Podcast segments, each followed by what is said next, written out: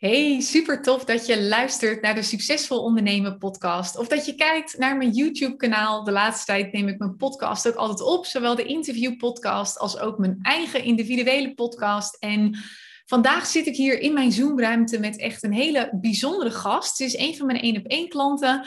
En deze vrouw, nou, ze is echt super jong. Op dit moment uh, nog niet eens 30. En ze doet gigantisch veel. Ze heet Rachelle Blok. Misschien ken je er al wel. Waarom ik haar heb uitgenodigd voor mijn podcast is omdat ze echt een mega interessant verhaal heeft. Ze is al op de 18e begonnen met ondernemen. Uh, dus in 2013 was dat. En ze draait, nou, vorig jaar heeft ze 3 ton omzet, 180k winst of 160k. Ik weet even niet exact wat het ook alweer was. Dat komt zo wel.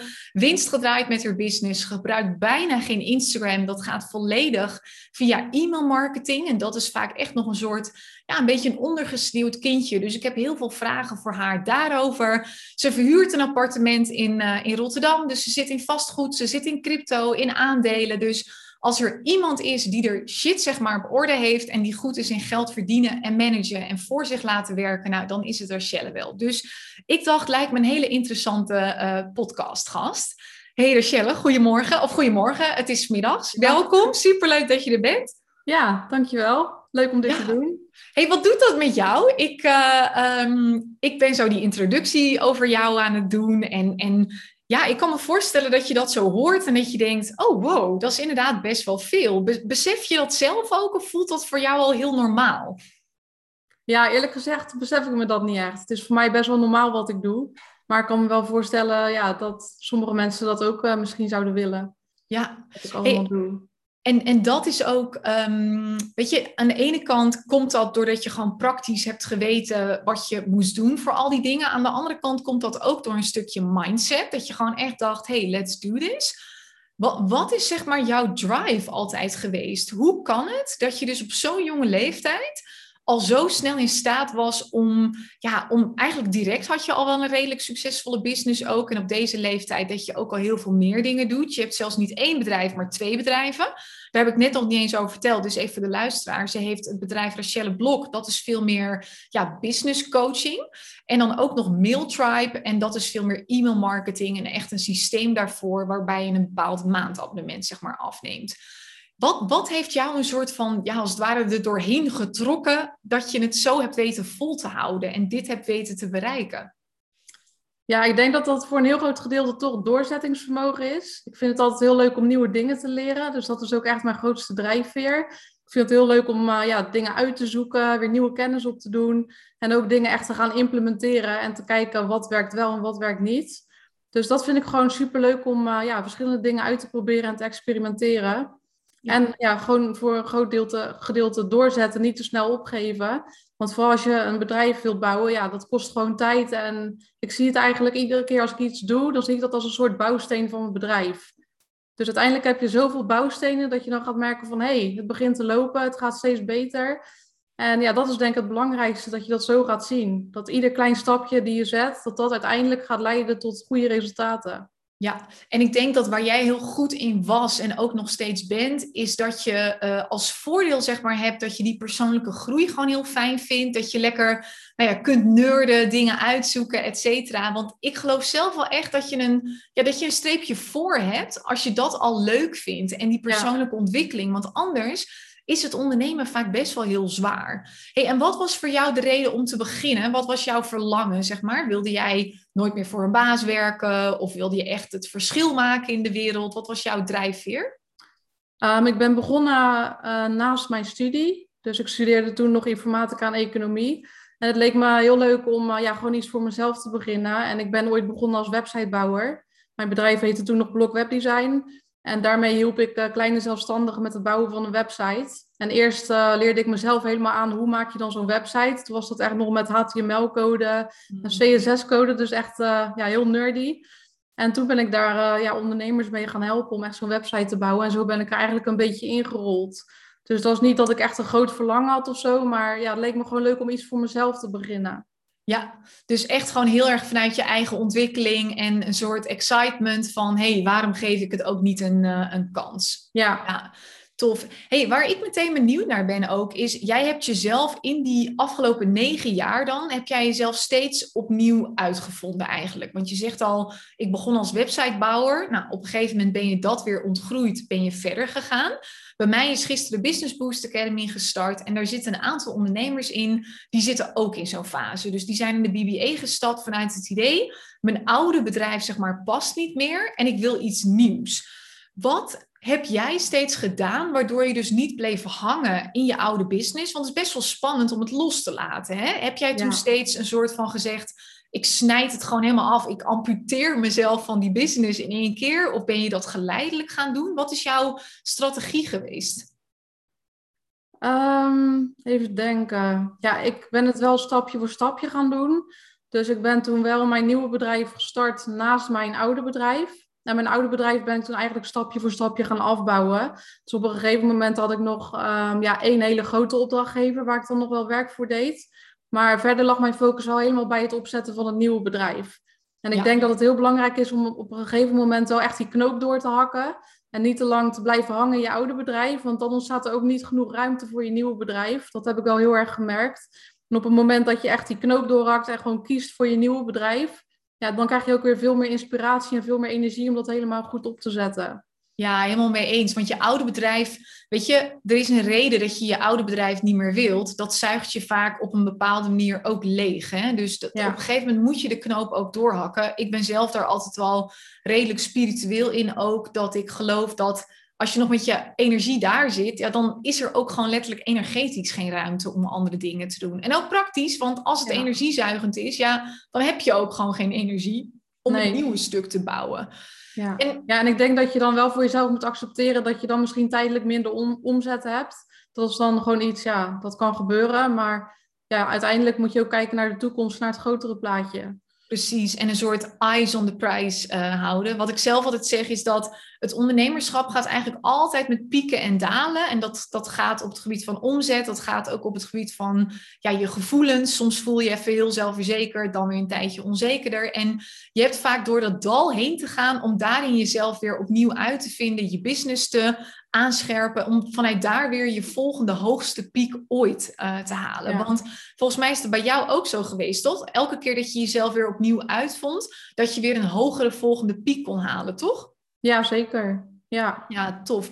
Hey, en wat jij op een gegeven moment bent gaan doen, en ik denk dat dit voor mijn luisteraars mega interessant is. Jij hebt natuurlijk in het begin, heb je geloof ik wel wat met Instagram uh, gedaan. Nooit heel veel, maar toen jij startte met de één op één coaching bij mij, toen hebben we als een van de eerste beslissingen genomen, kappen met Instagram. Daar, daar zat gewoon niet jouw voldoening in, je energie, e-mail marketing veel meer. Ehm, kun je daar eens iets over delen? Want ik denk dat heel veel van mijn luisteraars denken: je moet letterlijk zichtbaar zijn op Instagram. Hoe zie jij dat? Ja, ik zie dat wat anders. Um, ik heb best wel lang heb ik Instagram wel ingezet. Maar um, ja, ik merkte dat het mij gewoon echt super veel tijd en veel energie kost. En bijvoorbeeld als je Instagram stories plaatst, zijn die natuurlijk maar 24 uur zichtbaar. En daarna zijn ze gewoon weg. Dan moet je eigenlijk continu blijven posten om ervoor te zorgen dat jouw berichten getoond worden aan je volgers. Omdat je ook te maken hebt met dat um, Instagram-algoritme. Dus dat vind ik wel heel erg een nadeel aan Instagram. Dus dat je echt moet blijven posten. En ik ben zelf meer fan van e-mail marketing. Omdat, uh, nou ja, een mailinglijst is sowieso jouw bezit. Dus bijvoorbeeld als je heel erg afhankelijk bent van Instagram, kan het zomaar zijn dat je account opeens wordt geblokkeerd, waardoor je al je volgers kwijt bent. En bij je mailinglijst is dat niet het geval, want je mailinglijst is echt je bezit. En daarnaast heb je ook niet te maken met een bepaald algoritme. Je weet gewoon zeker dat als je een mail uitstuurt, komt dat terecht bij de mensen op je lijst. Ja, dus ik werk dat nu bijvoorbeeld zelf. Want uh, Instagram heeft voor mij extreem goed gewerkt en dat doet het nog steeds, maar mijn bereik is zoveel minder uh, geworden de afgelopen tijd. Heb jij dat nog gemerkt of dat niet per se? Ja, het is heel wisselend. De ene keer bereik je opeens veel mensen en dan opeens weer heel weinig. Ja. En ik denk dat Instagram ook steeds het algoritme verandert. Dus nu is het bijvoorbeeld weer belangrijk om veel reels te maken. Daar krijg je dan veel bereik mee. Dus zijn in zo'n opzicht ben je wel afhankelijk van wat Instagram doet. Precies. Dus welke ja, en... wijzigingen ze doorvoeren. Ja. En dat is bij e-mailmarketing niet zo. Ik zet het al jaren in en eigenlijk is dat nog precies, uh, precies hetzelfde als een paar jaar geleden. Het werkt gewoon nog steeds hetzelfde. Dus dat vind ik heel fijn. Ja, hey, en jij merkte op een gegeven moment, want ik weet nog dat wij dat gesprek hadden, dat je zei, toen vroeg ik aan jou, heb je überhaupt wel eens klanten uit Instagram gehaald? Want ik dacht toen, ja, als je er heel veel uithaalt, nou, doe maar even je schouders eronder en uh, huppatee, gewoon doorzetten. Maar toen zei hij ook, volgens mij heb ik nog nooit een klant uit Instagram uh, gehaald. Hoe kan het volgens jou dat het dan wel bij jou via e-mail marketing komt en niet via Instagram? Um, ik denk vooral dat dat ik veel beter overkom via e-mail marketing. Dat het gewoon een strategie is die veel beter bij mij past. Ik ben veel beter in schrijven dan um, ja, echt een beetje die influencer uithangen op Instagram. Dus ik denk dat je daar wel echt een type voor moet zijn. Dat je de hele tijd op de voorgrond wil treden, zeg maar. Dat je mensen echt mee kan nemen in een verhaal. En ja, dat, daar zit er toch best wel, um, ja, er zit, moet best wel een goede strategie achter zitten. Wil je dat goed kunnen doen? Dat past niet helemaal bij mij. Dus e-mail marketing is meer een beetje achter de schermen. Je schrijft veel en als je goed bent te schrijven, ja, dan gaat dat ook beter voor je werken. Ik weet nog dat toen ik begon met e-mail marketing, dat was voor mij ook een van mijn allereerste strategieën toen ik met deze business begon. Dat, dat voelde heel veilig, want dat was een beetje achter de schermen of zo. En ik had niet per se ook mijn moeder en mijn vriendin en weet ik het wat op mijn e-maillijst staan voor wie ik het in het begin spannend vond. Ik had het idee alsof dat veel meer een soort secret community uh, was. En ik merk nog steeds, want ik, ik zet nog steeds e-mail marketing in. Het voelt voor mij een beetje alsof ik schrijf in mijn dagboek, alsof ik lekker mijn hoofd leeg maak en daardoor ja, verbinding creëer met, met anderen. Heb jij dat ook, dat dat een beetje zo voelt? Ja, ik vind het ook gewoon een veilige manier van communiceren. Voor mij voelt het heel veilig. Ja, ja, en ik merk nu ook weer, want een tijdje was e-mail marketing was heel lastig, omdat uh, je kon de openingsratio's niet meer goed lezen. Bij mij is dat opeens veranderd. Ik kan het nu wel weer zien. En ik merk ook echt dat, nou ja, op Instagram, dat wisselt bij mij. Ik bereik tussen de 10 en de 30 procent van mijn volgers. Dus ik heb bijna 9000 volgers. Ik bereik nu tussen de, nou, laten we zeggen, 1200 en af en toe 3000 mensen. Maar dat kan alle kanten opgaan. En met e-mail marketing is het gewoon steady, eigenlijk 50, 55 procent. Dat, dat is ook zoveel fijner. Ja, het komt ja, dan is je bereik toch een stuk hoger. Het kan natuurlijk wel zijn dat je mail in de spammap terechtkomt. Dat kan altijd. Maar ja, als je gewoon echt goede mail schrijft, uh, waarbij je volgens het leuk vindt om te lezen, ja, dan blijft je open rate best wel hoog. Precies. Wat is jouw open, open rate? Uh, ja, zit ook rond de 40 à 50 procent zoiets. Het hangt er ook een beetje vanaf wat voor soort mail het is.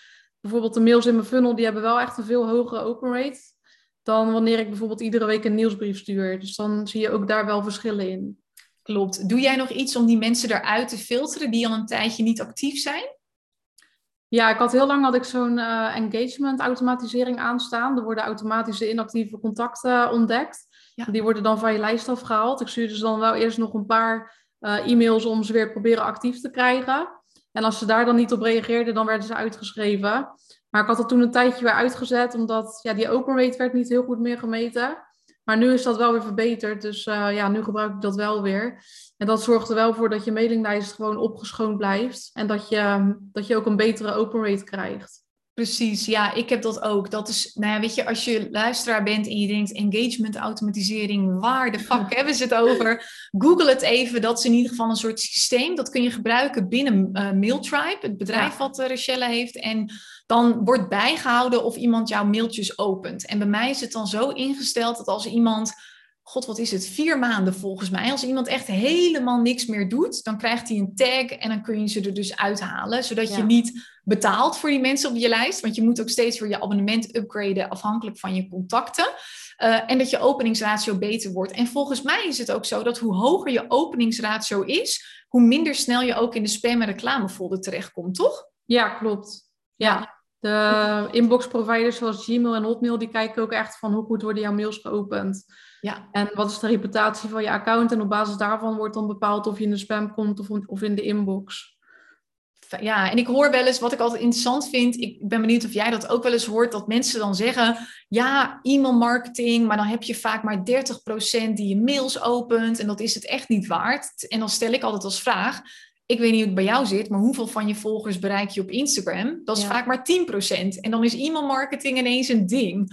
Ja. Ik vind het altijd interessant dat mensen daar opeens een soort van blokkade lopen. En wat ik zelf trouwens ook denk, dat middels een mailtje, dat mensen in een veel hoger bewustzijn zitten als ze dat lezen, omdat ze vanuit de mail vaak veel beter opletten of zo. Snap je wat ik bedoel? Ja, ja, ik denk dat daardoor de, de conversie van je mailinglijst ook een stuk hoger ligt dan bijvoorbeeld de conversie van je social media volgers. Omdat mensen gewoon echt een heel ander ja, soort bewustzijn zitten in de mailbox. Want daar ben je meestal taken aan het afhandelen. Dus heb je toch een soort hoger bewustzijn inderdaad, waardoor ja, die conversie ook hoger ligt. Precies, dat, dat denk ik dus ook inderdaad. En het moet wel bij je passen. Hè? Want ik denk bijvoorbeeld bij jou dat, nou jij, uh, voor jou was Instagram niet echt je ding. Dus dan zit je energie er ook niet en mensen voelen dat. Het kan ook zijn dat dat bij een van de luisteraars is dat e-mailmarketing niet je ding is. Maar ik denk dat het voor heel veel mensen heel slim zou zijn om daar veel meer op in te gaan spelen de komende tijd. Want zeker nu Instagram een beetje op zijn beloop is, zeg maar, dat het niet meer heel populair uh, is en moeilijk om te groeien. Um, volgende vraag gaat over het strategische. Want op een gegeven moment snappen mensen wel, oké, oké, het is slim om iets met e-mailmarketing te doen. De openingsratio's zijn, zijn hoog, et cetera, mits zo'n funnel en zo hebt. Wat is bij jou een, hoe bouw jij zeg maar een funnel op? Uit hoeveel mailtjes bestaat die? Wat deel je daarin? Houd je daar rekening met bepaalde dingen? Ja, ik heb wel een bepaalde opbouw in de mails. Uh, sowieso heb je natuurlijk de allereerste mail met vaak de link naar je weggever. Dus dat is een vrij standaard mail van um, ja, wat ze kunnen verwachten van je weggever. Dus wat ze erin gaan leren. Je wilt ze altijd een beetje nieuwsgierig maken naar de inhoud. Dus eigenlijk wil je ook in de mail zelf je weggever blijven verkopen. Vooral in die eerste mail. Uh, vaak stuur ik dan een tweede mail twee uur later. En dat noem ik een interactie-e-mail. En in die e-mail stel ik een hele korte vraag. Dat wordt ook wel een nine-word e-mail genoemd. En dan stel je een hele korte vraag, bijvoorbeeld: uh, wat is jouw grootste uitdaging met het maken en verkopen van een online cursus bijvoorbeeld. Nou, en dat, die mail heeft als doel dat je veel reacties krijgt, zodat je echt de interactie op gang brengt met je doelgroep. En dat werkt vaak ook heel goed als een stukje doelgroeponderzoek, want door al die reacties leer je ook heel goed de taal van je doelgroep kennen. Dus dat is vaak wat ik als tweede mail stuur, vooral als ik een nieuwe funnel bouw, omdat ik dan eerst een stukje doelgroeponderzoek wil doen. Nou, vervolgens heb ik dan uh, mail 3 tot en met ongeveer mail 7. Dus dat zijn even kijken, drie, vier, vijf, zes, vijf mails. En in die vijf mails, daar ga ik vooral belemmerende overtuigingen ombuigen. Want jouw doelgroep die heeft altijd bepaalde belemmerende overtuigingen. Uh, dus bij mijn bedrijf RachelleBlog.nl help ik uh, trainers en coaches met het verkopen van een online cursus. En dan kan het bijvoorbeeld zijn dat ze denken van er zijn al zoveel online cursussen, wie zit er nog op mij te wachten? Dat is bijvoorbeeld een hele ja, uh, grote belemmerende overtuiging. En die ga ik dan helemaal ombuigen in één mail. Dus ik pak één overtuiging per mail. Nou, zo doe ik dat dan voor mail 3 tot en met mail 7. Dus ik gebruik ook heel veel storytelling. Omdat ik weet dat veel mensen uh, maken uiteindelijk een koopbesluit op basis van emotie, niet op basis van ratio. Dus het is ook heel belangrijk dat je inspeelt op het emotionele brein van je doelgroep. En uh, vervolgens, na die mails, ja, dan heb ik nog een aantal verkoopmails. En wat ik vaak zie is dat ondernemers het spannend vinden om zo'n verkoopmail te sturen, omdat ze dan denken dat ze heel erg spammerig overkomen.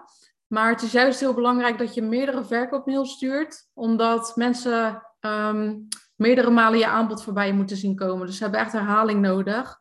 En daarmee help je ze juist met het maken van een koopbesluit. Precies. En in die verkoopmails, uh, daarin benoem ik bijvoorbeeld wat mijn product oplevert, dus de resultaten. Ik deel ook uh, resultaten van klanten. Ik beantwoord veel gestelde vragen. Uh, ik benoem ook de consequenties. Dus wat gebeurt er als ze niet kopen? En dat zijn dan dus echt de verkoopmails. Ja. Je wil ook altijd een stukje urgentie daarbij gebruiken. Dus bijvoorbeeld een bepaalde korting of een bonus of een beperkt aantal plekken. Ja, hey, en, en heb jij dan in mail 3 tot en met 7 was het geloof ik, doe je daar dan geen aanbod of doe je dat ook nog onderin? Ja, het liefst doe ik in iedere mail wel een aanbod. Dus 80% is waarde en 20% is een aanbod. En de ene keer zal bijvoorbeeld uh, dat ik een call to action doe naar mijn gratis masterclass. De andere keer naar een podcastaflevering. Uh, dan weer naar een betaalde workshop van uh, eh, 27 euro. Dus dat wissel ik een beetje af. Ja, ik heb precies hetzelfde. Ik doe meestal ook 80-20 en de ene keer gratis, dan weer betaald. En ik heb ook, en dat vind ik zo tof aan ook Mailtribe, dus jouw systeem wat jij hebt, is dat je die funnels kunt maken op basis van gedrag. Dus wat ik altijd irritant vind van Instagram, dat gebeurde bijvoorbeeld afgelopen tijd weer. Ik zit een lancering voor de Business Boost Academy. Ja, ik kan niemand uitsluiten van die story, zeg maar. Dus iedereen die, die ziet dat weer, ook al heb je het al gevolgd en weet ik het wat. En met e-mail marketing is het zo fijn dat je letterlijk kunt zeggen: als iemand dit product al gekocht heeft, stuur een andere mail met een ander product of iets dergelijks. Dus je kunt met e-mail marketing dingen ook veel persoonlijker maken. Eh, je moet natuurlijk wel even dat technische stukje ontdekken, maar dat is vaak veel simpeler dan, uh, dan we denken. Hey, en een andere praktische vraag is: hoeveel dagen zitten er bij jou tussen de mails? Want ik weet dat heel veel mensen een beetje bang zijn om te veel te mailen. Wat is het bij jou? Uh, in het begin van de funnel doe ik uh, steeds één dag ertussen. Dus echt iedere dag mailen. En wat later in de funnel doe ik om de twee dagen. Ja, dus best wel intensief ook. Ja, maar ik denk wel dat dat nodig is om echt een stukje momentum op te bouwen. En ook om gewoon ja, in beeld te blijven bij je doelgroep. Want stel je mailt maar één keer per week of één keer per maand. Ja, dan is die doelgroep jou al lang weer vergeten. Dan zijn ze al lang weer vergeten dat ze jouw weggever hebben aangevraagd. Dus ik denk juist in die funnel dat het belangrijk is om gewoon regelmatig in de mailbox te verschijnen. En tegenwoordig ontvangen we ook zoveel mail dat je heel makkelijk over een mail heen kan kijken. En niet iedereen leest ook alles. Dus daar mag je ook echt bewust van zijn. Wat ik ook wel eens doe, is dat ik uh, een losse campagne maak voor een nieuwsbrief. En dan stuur ik hem een paar dagen later nog een keer naar de mensen die niet geopend uh, hebben. Ja. En het levert dat heel veel extra op. En ja, ik vind dat altijd zo grappig, want dat is vaak zo'n belemmerende overtuiging. Hè? We zijn vaak elke dag zichtbaar op stories. Dus elke dag vaak ook meerdere keren dat je een story in iemands gezicht smijt, zeg maar. Maar in één keer, als je elke dag zou moeten mailen, dan, dan is het spammen. Dat ik denk, wat is het verschil? In beide gevallen kom je ook vaak waarde brengen. Uh, het is niet zo dat je iemand een mes op de keel zet om een aanbod te doen. Iemand kan ook denken, oh, dit is het aanbod, dus ik lees er overheen. We maken het vaak zo groot. Ja. En wat ik interessant vind bij jou is, ik denk dat heel veel mensen hadden verwacht dat jij in mail 3 tot en met 7, dat je zou zeggen, dan kom ik heel veel waarde brengen. Dan kom ik tips geven en kennis delen om mijn autoriteitspositie te claimen. Maar jij zegt eigenlijk alleen maar, ik haal belemmerende overtuigingen weg. Ja. Waarom dat? Uh, omdat ik denk dat uh, als je met tips gaat strooien, ja, daar val je tegenwoordig niet meer mee op. En dat is ook niet per se waar mensen naar op zoek zijn. Want we worden al helemaal doodgegooid met al die kennis en al die tips. En ja, daar help je mensen niet echt mee om een koopbesluit te nemen. Ik denk juist als je inspeelt op die belemmerende overtuigingen, dat is waar mensen echt mee in hun hoofd zitten, waardoor ze zich laten tegenhouden om actie te ondernemen. En als je dat weet weg te halen, ja, dan staan ze heel erg open voor je aanbod. Dus eigenlijk warm je ze op voor je aanbod. Ja. En ja, kennis, dat geef je uiteindelijk weg in je betaalde producten. Natuurlijk ook wel voor een deel in je gratis aanbod. Daar zit je ook meer op de wat in plaats van op de hoe. Maar ja, ik denk, niet, ik denk dat veel mensen daar tegenwoordig niet meer op zitten te wachten om alleen maar kennis toegestuurd te krijgen. Nee. En ik denk ook dat heel veel mensen de definitie van waarde niet helemaal goed uh, begrijpen, zeg maar. Ik denk dat mensen al snel denken, waarde is tips en kennis en weet ik het wat. Maar op het moment dat je iemand kunt helpen om een belemmerende overtuiging weg te halen, dat is ook gewoon waarde. Ja. En dat is nog steeds dat jij ook eigenlijk een soort kennis komt delen, maar het is niet zo van, nou, hier heb je kennis, ik kwak het even bij je neer. Het is veel meer, met die kennis help je iemand ook meteen in beweging, omdat je een soort angst uh, weghaalt. Hey, en kun je eens noemen, wat zijn, wat zijn bij jouw doelgroep de belemmerende overtuigingen? Je vertelde net al, er zijn zoveel cursussen, dus pas ik er nog wel tussen. Wat heb, wat heb je nog meer? Uh, dat ze bijvoorbeeld heel erg opzien tegen de techniek. Dus hoe maak je een online leeromgeving? Hoe koppel je alle systemen aan elkaar? Dat is een hele grote. Um, even denken, wat nog meer? Ik had een heel lijst. Oh ja, ik heb nog niet uh, genoeg volgers. Dat is ook eentje. Dat ze denken dat ze eerst duizenden volgers nodig hebben om een uh, cursus te kunnen verkopen. Um, even denken hoor, welke nog meer? Uh, dat ze eerst de cursus helemaal moeten maken voordat ze hem kunnen verkopen. Denk dat dat voor het grootste gedeelte wel de belangrijkste zijn. Ja, en dat, daar, dat heb je dan ook meteen in die paar mailtjes dat je dat kunt gaan tackelen. Ja. En dat is eigenlijk slim, hè? want heel vaak denken we dan ook niet echt vanuit het einddoel met zo'n funnel. Terwijl je wilt eigenlijk een soort einddoel bepalen. Jij wilt ze uiteindelijk in je Business Flow Academy uh, hebben. En dan mag je vanaf daar gaan terugdenken. Welke belemmeringen mag ik dan tackelen? Waar, waar moeten ze bewust van zijn? Wat moeten ze uh, weten?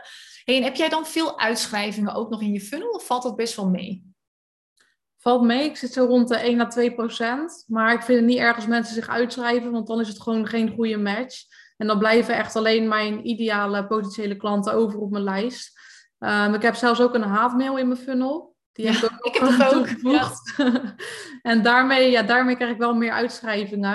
Dat was ook best wel een harde, confronterende mail. Maar ja, die heb ik juist ingezet om de mensen die niet bij mij passen af te stoten. Dus het kan ook juist een goed ding zijn als veel mensen zich uit, uitschrijven. Ja, dat is ook het doel. Hè? Weet je, ja. ik vind dan het woord haatmail dus best heftig. Heb jij dat ook van Mitchell van Duren of niet? Ja.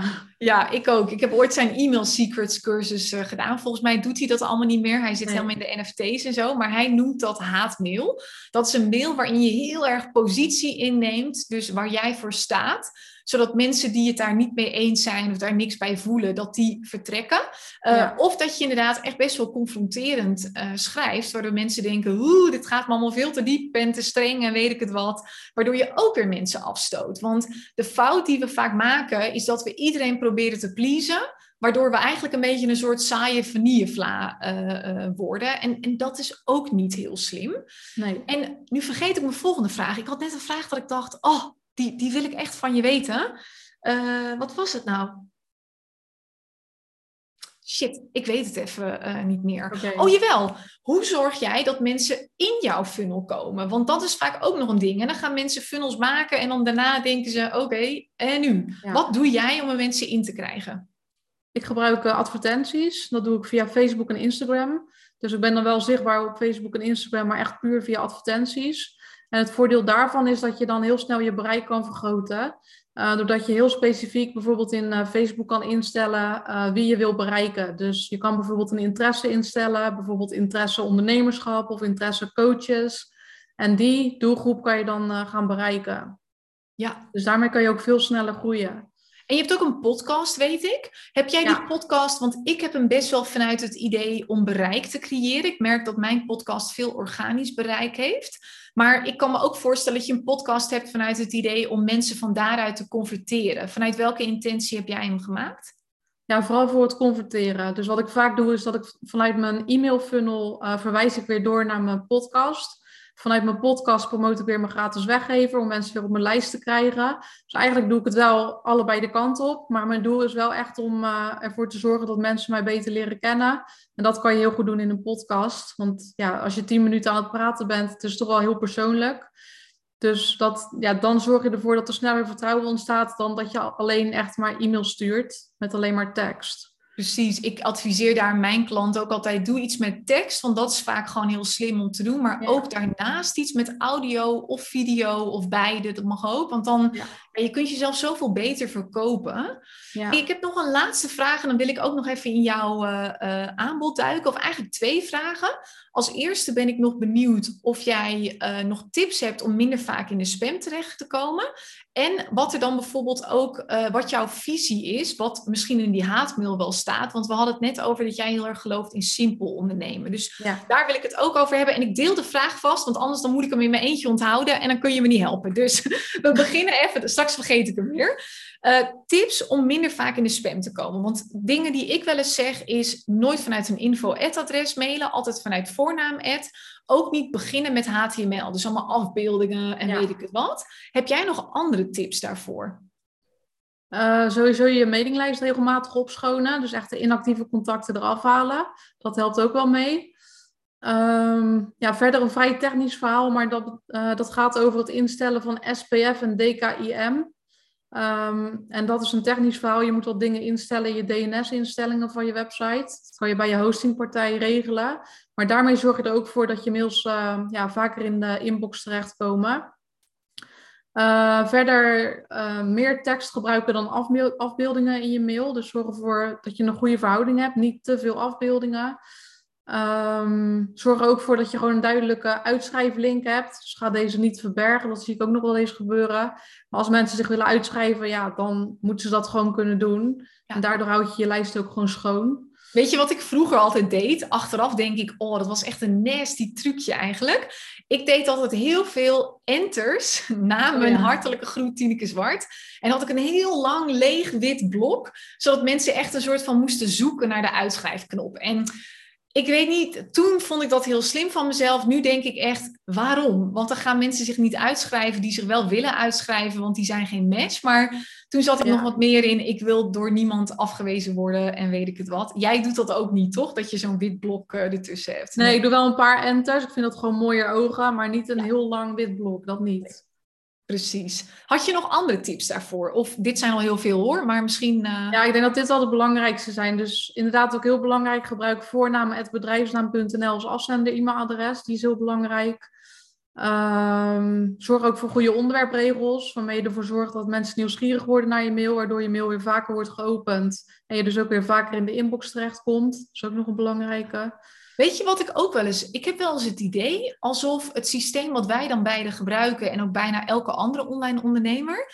dat hij het in batches verstuurt. Alsof het eerst een soort van 100 mails naar de meest warme contacten gaan. Dat hij dan checkt van, hé, hey, wat gebeurt er? En dat hij daarna later... Want ik krijg wel eens dat ik... Ik sta zelf ook meerdere keer op mijn eigen mailinglijst. En soms zit er echt vijf minuten tussen... dat ik hem in mijn ene inbox versus mijn andere inbox ontvang. Ja. Klopt dat inderdaad? Ja, dat zou wel kunnen. Ja. ja, dat zou zeker kunnen. Ja. En volgens mij doet Instagram dat ook. Hè? Dat eerste stories worden getoond aan je meest warme mensen. Afhankelijk van hoe zij ermee uh, engagen, wordt die verder verspreid. Uh, ja. Inderdaad. Ja, dus onderwerpregels heel goed. Wat dan ook nog kan helpen, emojis of, of um, de voornaam erin benoemen. Maar in ieder geval iets wat echt prikkelend is. Ja. Ja, wat ook nog zo is bij Mailtribe, um, die geeft ook een bepaalde reputatie aan je account. Dus als jij begint met een heel nieuw account, dan moet je eerst een goede reputatie opbouwen en dan kom je ook op een betere server terecht. Dus als je net begint met een nieuw account en je hebt bijvoorbeeld al een bestaande lijst uit een ander systeem, dan raad ik aan om ook eerst wat mails te sturen naar de meest actieve contacten van die lijst, zodat je meteen al een goede open rate krijgt. En dan steeds wat contacten erbij doet en daar dan mails naartoe gaat sturen. En zo bouw je dan langzamerhand een goede reputatie op op de server. Kom je op een betere server te staan. Ja, dus eigenlijk wat dat betreft is dat niet heel anders dan het algoritme. Dat je daar ook een soort van je best moet doen om, nou ja, gezien te worden in ieder geval. Maar het is een stuk makkelijker dan met Instagram in ieder geval. Hey, en uh, die laatste vraag, wij hadden het net over, jij gelooft heel erg in het bouwen van een simpel bedrijf. Wat bedoel je met simpel bedrijf? Met een simpel bedrijf bedoel ik dat je sowieso een simpele marketingstrategie hebt. Dus niet dat je bijvoorbeeld uh, de ene keer een webinar geeft, uh, dan uh, trek je de conclusie dat het niet werkt, dan ga je weer op TikTok, dan ga je weer op Facebook, dan weer op Instagram. Dus dat je heel veel verschillende dingen door elkaar doet. Daar geloof ik niet in. Ik geloof juist in dat je kijkt van nou, wat past bij jou qua strategie en wat werkt goed voor jou en dat je dat continu blijft doen en gaat optimaliseren. Dus aan de ene kant een simpele marketingstrategie met maar een paar onderdelen die je continu gaat verbeteren. En aan de andere kant ook een klein aanbod. Dus wat ik zelf heb is één hoofdaanbod, dat is de Business Flow Academy. En ja, daar kan ik mijn klanten op de allerbeste manier helpen. In plaats van dat ik heel veel kleinere producten maak, bijvoorbeeld. Ja. Dus ik heb één hoofdaanbod, één instapproduct. En dan uh, de gratis laag is wel wat groter. Dus ik heb een podcast, een roadmap, um, een gratis masterclass, zodat mensen wel op verschillende manieren met mij kunnen kennismaken. Maar betaalde, betaalde aanbod is eigenlijk heel klein. Dus daar kan ik me dan gewoon volledig op focussen en dat continu blijven verbeteren. Ja, Slim. Ik denk, ik merk vaak dat is ook een soort belemmerende overtuiging. Mensen denken dat als zij bijvoorbeeld een ton omzet willen draaien of alles daarboven, dat ze dan heel veel producten moeten hebben. Maar het is meestal zo dat hoe simpeler, hoe duidelijker voor je doelgroep, hoe makkelijker het voor jou is. Dus ja. Nou ja, ik, ik ben het daar helemaal mee eens. En kun je ons dus meenemen even in de belangrijkste producten van je aanbod? Want ik denk dat er nu best wat luisteraars zijn die ook denken: hey, dit is tof, ik wil wel iets met dat mailsysteem, met Mailtribe. Kun je natuurlijk een free trial aanvragen, weet ik, van 14 dagen. Uh, je hebt ook je Business Flow Academy. Kun je ze even meenemen in wat jij te bieden hebt? Doe even je pitch. Ja, bij Mailtribe um, ja, verkoop ik e-mailmarketing software. We zijn een uh, een reseller van Active Campaign, dus een Nederlandse reseller van Active Campaign. En het voordeel is dat wij gebruik maken van het systeem van Active Campaign, maar dat je daarbij gratis Nederlandse ondersteuning krijgt. Dus je krijgt gratis e-mail support, je kan gewoon support tickets insturen naar mijn team. Uh, je krijgt toegang tot een Nederlandse kennisbank. Daarin staan allemaal videolessen, stappenplannen, zodat je het systeem heel snel kan inrichten. Uh, je kan meedoen met klantwebinars, waarbij we echt de diepte ingaan, uh, wat wel en niet werkt met e-mailmarketing. Um, dus dat zijn de voordelen van Mailtribe. Zonder dat het duurder is, want je betaalt gewoon dezelfde prijs als bij Active Campaign, maar je wordt veel beter geholpen qua support en qua hoe je ook echt succes kunt hebben met e-mailmarketing. Dat is het verschil. Ja. ja. Check. Waar moeten ze naartoe om dat aan te vragen? Want ze kunnen eerst twee weken gratis proberen. Ja, je kan het 14 dagen proberen. Dat kan via mailtribe.nl slash proefaccount. Kan je een gratis proefaccount aanmaken. Je zit al nergens aan vast. Dus je kan het gewoon 14 dagen proberen en dan besluiten of je wel of niet door wil gaan met een betaald account. Ja. En bij een betaald account heb je verschillende pakketten. Dus je hebt het Light pakket en het Plus pakket. Dat zijn de bekendste pakketten. Uh, de meeste beginnen bij het Light pakket. En uh, dan betaal je 108 euro per jaar als je maximaal 500 e-mailadressen hebt. En als je meer dan 500 hebt, dan gaat de prijs omhoog. Dus je kan later ook altijd upgraden of downgraden. Precies. En uh, dit is ook het systeem wat ik altijd aanraad aan mijn klanten, uh, luisteraars. Ik heb dan nog wel Active Campaign, want ik kende Rachelle helaas niet toen ik het uh, nam. En nou ja, ik dacht overstappen is ook weer zo'n ding. Dus ik zit nog daar, maar ik raad iedereen Mailtribe aan, want het is hetzelfde, maar dan gewoon tien keer beter. Dus dat is super slim. En ik vind dat ook gewoon slim van jou, dat jij eigenlijk gewoon een bestaand idee, wat iemand anders al um, ja, gecreëerd heeft dat jij dat gewoon gepakt hebt en hebt gezegd, ik ga dat gewoon beter maken. Want heel vaak denken we zo moeilijk. En jij draait meer dan een ton uh, met die business. Dus je hoeft soms ook niet zo moeilijk te denken. Je, het hoeft niet nieuw en uniek te zijn. Het kan ook gewoon bestaan, maar dan beter uh, zijn. En dan heb je natuurlijk Rachelle Blok nog. Ja. Ja, via Rachelle Blok help ik trainers, coaches en experts met het uh, maken en verkopen van online cursussen. En ik leer ze dan echt hoe ze op de automatische piloot een online cursus kunnen verkopen via een funnel. En um, ja, mijn hoofdproduct is de Business Flow Academy. En dat is een, uh, een programma waarin je echt van A tot Z leert hoe je een online cursus maakt. Uh, hoe je een goede weggever maakt. Hoe je kan adverteren. Er zit ook een hele advertentietraining bij. Echt gewoon ja, een heel pakket van A tot Z waarin je alles leert. Ja, heel tof. Waar kunnen ze dan terecht? Uh, dan kan je terecht uh, voor mijn aanbod op rachelleblog.nl slash businessflowacademy. Of je kan ook in mijn funnel komen en dat kan via mijn gratis roadmap. En dan kun je gaan naar rachelleblog.nl slash roadmap. En dan kom je automatisch in de funnel. Dus dan kun je ook even afkijken hoe ik het uh, heb aangepakt. Tof. En ik zet dat ook even in de show notes. Dus bij de beschrijving op YouTube en eventjes de show notes. Dus dat omschrijf ik je van de podcast. Dus dan kun je daar ook gewoon even op klikken. Want het is veel informatie uh, uh, in één keer. Ja, mega tof. Is er nog eventueel een laatste ding waarvan jij zegt: Oh, daar hebben we het niet over gehad, maar dat is nog slim om te weten? Of dat is nog een tip of een fout waar je bij, waarbij je moet opletten dat je hem niet maakt? Nee, ik denk dat we wel het meeste hebben besproken. Ik denk het eigenlijk ook. Ja, ik zei tegen jou, we doen 25 tot 30 minuten. Maar dit, is, ik, dit is echt een van mijn lievelingsonderwerpen gewoon. Dus uiteindelijk drie kwartier. Maar helemaal goed. Hey, voor de luisteraar, bedankt voor het luisteren. Rachelle, jij mega bedankt dat je, dit, uh, dat je hier wilde zijn. Dat je zo openlijk over, ja, over jouw geheimen zeg maar, hebt willen delen. Er zit echt superveel waarde zit er in deze podcast, naar mijn mening. Dus dank je wel daarvoor. Ja, jij ook bedankt. Graag gedaan en wie weet tot uh, de volgende podcast.